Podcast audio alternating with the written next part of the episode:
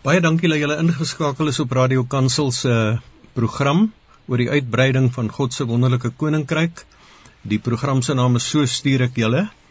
En uh die ateljee gas wat ons vandag het is uh Jolandi Kortjie en sy en haar man Peer het uh, saam met hulle kinders uh baie deeglik voorberei voordat hulle Midde-Ooste toe gegaan het en ehm um, geweet waarvoor hulle hulle inlaat, maar nie geweet het wat gaan gebeur nie.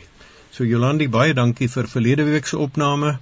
Party van die luisteraars het dit gehoor en party skakel nou vir die eerste keer in.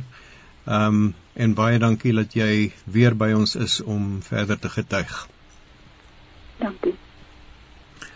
Ons wil ehm um, sommer net redelik vroeg in die gesprek wil ons net weer 'n pouse maak soos verlede week om 'n uh, Arabiese loflied vir die Here Jesus in te speel.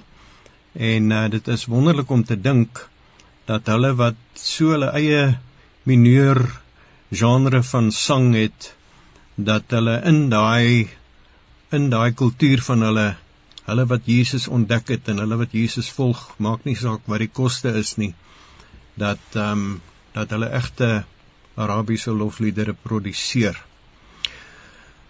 Jolande, ons is so dankbaar dat ehm um, jy en jou kinders uh nou in Bloemfontein kan wees en dat uh soos wat jy ook vir die ondervraers in jou ontvoering gesê het dat uh jy is 'n boek en julle is boeke en elke mens is 'n boek wat uh gelees word waar jy ook al beweeg.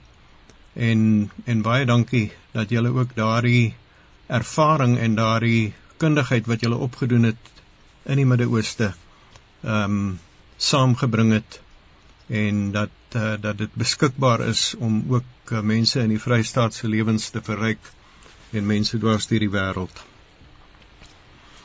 Jolandi, ehm um, gee vir ons net gou 'n kort opsomming van die van die dinge wat jy verlede week vertel het. Want as jy dit sê dan dan is jou feite reg. As ek dit sê dan praat ek op hoor sê. Ja, ehm um, ja, ons het verlede week sommer net kortliks gepraat oor ontvoering, ons tyd in Jemen, ons het gegaan in 2009, 2013 op pad met Afrika toe, is ek weer ontvoer en um, ons kinders is uiteindelik nou 'n week uh, teruggebring Suid-Afrika toe. Hulle was nie deel van die ontvoering nie.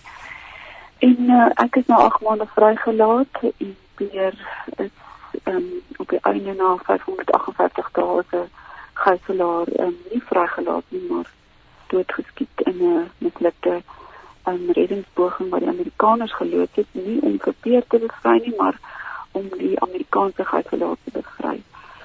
En so dit is so 'n kort net um, wat gebeur het in Jemen. Baie dankie. En in daai proses was daar ook 'n hond wat geblaf het. Ja, dit is die hond wat geblaf het blykbaar met die ontsettingspoging wat gemaak het dat die wagte wat ehm um, Peer hulle bewaak het gehoor het iets is aan die gebeur buite en um, hulle het uh, drie weke van tevore ook vir 'n ontsettingspoging blykbaar geloods en daar vir waarskuwing uitgesit en gesê indien dit weer gebeur indien iemand weer probeer om gijslaers te bevry dan gaan hulle die gijslaers doodmaak. Ehm um, en dit is presies wat gebeur. En uh hoe verwerk jy dit in jou hart met betrekking tot ehm um, tot jou jou jou gevoel daaroor en hoe jy dit beoordeel? Ja, letterlik minute nadat um, ons gehoor het Peer is dood en die wêreld is dit wêreld nuus geword het, het mense vir ons um, dadelik gepeper met vrae soos maar jy het dan gebid en geloof aan die dag gelê um, julle dan die Here vertrou en hoe kan 'n God van liefde uh, toelaat um, dat so iets gebeur. So dit was 'n geweldige groot vraag wat voor my gelê het en en ek onthou hoe ons um, wat het ons opgeraai van Bloemfontein af Pretoria toe want ons moes besig liggaam ontvang. Hoe ek die hele tyd gebid het en gesê Here, maar wat gaan ek sê want ek ek, ek weet nie wat om te sê nie. Ek weet nie ek kan nie al u weer en al u planne in my verstand um altyd verstaan nie wat is die regte antwoord om te gee in hierdie hierdie seisoen en terwyl ons opgery het, onthou ek ook hoe my vraag in my hart verander het van Here, wat gaan ek sê? Here, wat gaan ek sê? Jy weet daai angstigheid wat oor my gekom het. Na uiteindelik toe ons in Pretoria aankom, het my gebed verander na Here, wat wil jy sê? Wow. En ek het besef ek is nie hier om my eie storie te vertel nie, dit is God se storie. Ja. En dat ek net kan kom vertel wat ek hom sien doen en hoe ek sy voorbeeld sien en, en ek het besef maar hy het vir ons aan die kruis kom wys die vergifnis, die die grootste geskenk wat God die Vader ooit vir ons kon gee, is sy vergifnis. En ek het vir die kinders gesê, dan is dit hoe ek die vraag antwoord. Ons kies om te vergewe omdat dit is wat ons gesien het Jesus gedoen het. Wow. So dit is hoe ons uitgekom het by vergifnis en ons het besef dit antwoord nie noodwendig die vraag nie, maar dit antwoord of dit wys wat is God die Vader se hart. Ja, dis lieflik en en ehm um, was daar toe op Waterkloof lughawe 'n uh, seremonietjie met amptenare daarbey of het julle hom net stil stil ehm um, gesien aankom en toe sy by die begrafnisondernemers? Ja, ek kan nie veel onthou van die lughawe nie. Um, ek dink daar was offisiële persone teenwoordig, um, maar dit was dit was nie baie gemaklike um, tyd uh, gewees nie. Natuurlik. Maar veel geluk en baie dankie dat jy gesê het ons verkies om te vergewe. Jy weet jy laat my dink aan die aan die woorde wat Jesus gesê het dat uh, as hulle julle vervolg en as hulle julle voor geregshowe bring, moet julle nie bekommer oor hoe julle gaan antwoord en wat julle gaan sê nie, want uh, in daai oomblik sal dit vir julle gegee word wat julle moet sê en dit sal die Heilige Gees wees wat deur julle praat. Ek gee nou my eie verwerking daarvan dat jy hierdie geleentheid om te getuig kan uh, kan gebruik. En baie dankie daarvoor. Ons gaan na musiek luister, maar ek wil baie graag hoor net nou Jolandi. Uh wat het jy gedoen al die tyd? Wat het jy gedoen terwyl jy 'n gijslaer was? Het jy geskryf? en dan ook ehm um, saam met Peer eh, saam met sy liggaam was daar ook goed wat hy geskryf het. So sal jy daaroor vir ons bietjie meer vertel asseblief. Ek gaan so maak na die musiek ja. Jolandi, toe jy nou ingehou was daar, julle al twee. Wat het julle die hele tyd gedoen? Ja, dit is nogal nie so maklik om jouself besig te hou as jy niks weet nie. ons moet reg planne maak um, en ons het papier en pen gevra. Ons het 'n liedjies neergeskryf wat ons kon onthou. Ons het dis hier nagehou. Um, ons het gesing, ons het mekaar gebid. Ons het vir ons kinders by die huis gebid alhoewel ons nie geweet het of hulle leef of nie leef nie. Ons 'n keuse gemaak om te aanvaar hulle leef en ons bid vir hulle asof hulle leef. Maar dit is regtig 'n uitdaging as jy niks het om te doen nie en jy het nie enige ehm um, fone nie, jy het nie enige elektronika by jou nie. Jy het geen manier om te weet wat 'n dag is dit gaan nie jaar nie. Jy het nie wasgoed om te was nie want jy het nie een stel klere, jy kan nie kos kook nie want daar word veel kos gegee as hulle onthou. So jy moet baie kreatief wees en dit is 'n baie groot deel van um, om te kan oorleef is om die kreatiwiteit vir die Here in ons gesit het om dit op 'n manier te laat uitkom. Um so ons het ons maar besig gehou op so 'n manier. So, mens dink nie eens aan sulke praktiese goed soos jy was goed nie. Um ek weet ons het in in Indonesië byvoorbeeld uh, gaan jy as jy in die openbaring in die openbaar moet uh, skoon kom dan gaan jy nou maar vir jou klere seep smeer en water oor jou gooi en dan uh, jou klere so aan jou lyf was dan word dit so aan jou lyf droog. Ehm um, kon julle darm van julle goed uitspoel het hulle vir julle iets gegee om aan te trek. O ons het maar kreatief met daai uh, daai planne omgegaan. Ja. ja. Nee, goed. Jolandi, en toe julle nou ehm um, toe julle nou daar op die lughawe was en uh, daai vliegtyg dra die die ehm um, wat was dit wat uitgedra was? 'n kus? Ja, uh, dit was 'n um, ehm, beeste liggaam was in 'n in 'n kus verseël en um, ja, ek dink eers 4 maande later het uh, van beeste joernale wat hy geskryf het, ehm um, het met 'n groot wonderwerk dan maar uitgekom.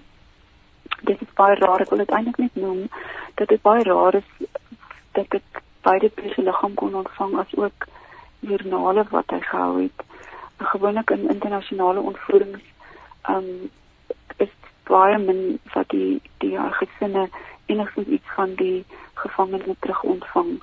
Um as hy nou dood is, is daar dit was nie eens 'n liggaam of oorblyfsels wat um vir die gesin geoffer word nie. So ek voel baie bevoordeel en en dit is 'n groot baie bydrae gelewer tot ons klouier tot ons afsluiting en dat ons beter liggaam welkom terug ontvang en het gesien van die later sy journale wat vir ons 'n baie baie goeie aanleiding kon gee presies wat het daarna gevolg in daai 11 maande.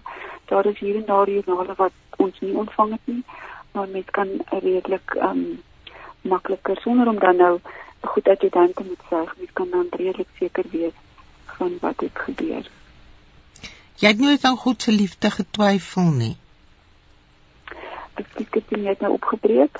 Ekskuus tog. Jy het nooit aan God se liefde getwyfel nie. Dit is 'n baie belangrike vraag wat jy nou daar vra. Ek dink wanneer 'n mens deur trauma gaan en dit is iets wat ons nie altyd vir mekaar wil sê nie of dit 'n onderwerp wat ons nie altyd oor praat nie. Wanneer mens deur trauma gaan, dan is dit net baie keer 'n lewenis wat goed ver is um chemiese goed verander in jou liggaam. Jou brein sny goed uit. Die manier hoe jy God se stem hoor word so verstringel in aan jou vrese en jou angs dat dit net baie keer op 'n punt kom waar jy kan sê maar ek weet nie of die Here nog weet ek is hier nie. Ja. Jy kan my nie vergeet nie. En alhoewel ek nie net vinnig kan sê ek het getwyfel dat die Here vir ons is nie, het ek op 'n punt gekom in die ontvoering wat ek regtig regtig op 'n slegte plek was. En was dit nie verteer wat God se liefde tasbaar vir my gemaak het en God se se getrouheid tasbaar vir my gemaak het nie, dan sou ek dit baie slegter gevat het. So ja, wat ek eintlik wil sê is wanneer mense deur trauma gaan, dan is dit ons as liggaam van die Here se verantwoordelikheid om God se liefde te vervlees vir hulle en God se omgee en God se kompassie en sy sy saamloop en sy getrouheid vir daai mense uit te beeld wanneer hulle dit nie meer kan beleef of voel bloot omdat hulle deur trauma gaan. Ja. Ja. Dis baie interessant. Uh ons dogter is baie baie skielik oorlede. En ehm um, ons was eintlik op pad ehm um, om uh, na 'n ander land te gaan na die Midde-Ooste. Toe daai selfde dag, daai oggend vroeg, wat ons sy vertrek is sy oorlede. En uh, die Here het eintlik net gekom en haar kom optel uit haar bed. En uh, jy weet vir 'n vir oomblikke het ek vir Mary gesê ek het altyd gesê ehm um, as die Here haar kom haal want sy was in 'n rolstoel dan uh, dan sy rond in die hemel en dan gaan sy loop en hardloop. Ehm um, en tog het ek vir Marie gesê 'n oomblik van skok, maar ehm um, hoe weet ek dit is so? Ehm um, jy weet dat 'n mens presies daai ding wat jy sê van ehm um, is dit nie alles stories nie, hoe weet ek? En dan tog later kom jy dat jy kan sê, maar ek weet dat ek weet dat ek weet. Ja. Want uh, sy liefde is onuitspreeklik groot. Ja. Ja, net sien saam met jou, uh, Christine, en dit is so 'n nice skok oomblik is is dit nie altyd moontlik vir mense maar dis hoekom om mens terugkyk en dis hoekom om mens vriende het wat saam met jou stap en jou herinnering dit is 'n belofte van jouself nie op daai oomblik die lig kan sien of voel nie. Ja. Jolandi, kom ons praat 'n bietjie oor 'n ander saak en dit is die Arabiese taal. Ehm um, hoe voel jy oor die Arabiese taal? Kyk Marie, ek is uh, nou nog as ek Arabies hoor of dit op die radio is en of ek dit nou ehm um, in 'n in 'n fliek sien of hoor, dan klop my hart. En my hart klop nie omdat ek bang is nie, en my hart klop choklet want ek is mal oor die taal en ek is mal oor die mense. Ja. ja, so ek is baie lief vir die taal en um, ongelukkig na 6 jaar verlore mense dit want dit het nie altyd die geleentheid om met mense te praat nie. Maar dit is definitief op my lysie om te kyk of ek dit weer kan um, of ek dit net ten minste kan in stand hou. Um, ek voel taal is 'n brug. 'n Mens kan nie 'n ander mens se hart bereik as jy nie ten minste probeer en dit hoef nie perfek te wees nie, maar as jy net probeer om iets te sê in hulle taal en te lyk of jy verstaan en jy probeer verstaan. Soveel tale as jy kan, soveel male as jy man. Ons het ehm um, baie vriende wat uh, dink Arabies is verskriklik moeilik. En ek moet erken terwyl ek lief is vir tale, dat ek nog nie geleer het hoe om 'n Arabiese woordeboek te gebruik nie. Mense het vir my probeer verduidelik, maar dit lyk nie vir my of dit goed alfabeties gerangskik is nie en dis nou nie die punt nie. Ehm um, die punt is ek ek ek dink altyd aan twee goed. Die een is ek het klein kindertjies gesien, man, hulle is 4, 5 jaar oud, dan praat hulle vlot Arabies. So hulle moet verskriklik slim wees of Arabies is nie regtig so moeilik nie.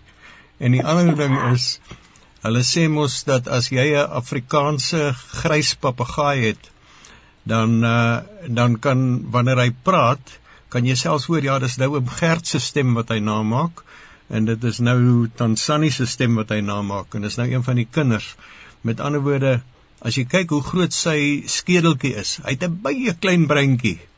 En hmm. uh, en jou brein is baie baie wonderliker as 'n papegaai se. So ek moedig mense aan om tale aan te leer en dit te geniet. Jy het seker baie min geleentheid nou in Bloemfontein om Arabies te gebruik. Ja, eh, dit is so en die probleem is ook dat 'n mens spesifieke dialek aangeleer het. So ek het nie ek was nie by 'n taalskool nie, maar ek het Arabies in die diepkant leer moes leer. So ek het 'n taalhelper gehad en ons het meer gefokus op die die plaaslike dialek.